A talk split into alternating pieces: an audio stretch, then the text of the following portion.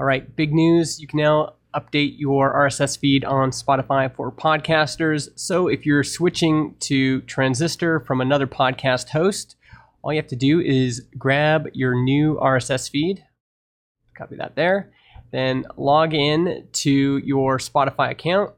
And if you've previously added your podcast to the Spotify podcast dashboard, you'll see it here. And then in this menu, you want to click on Settings.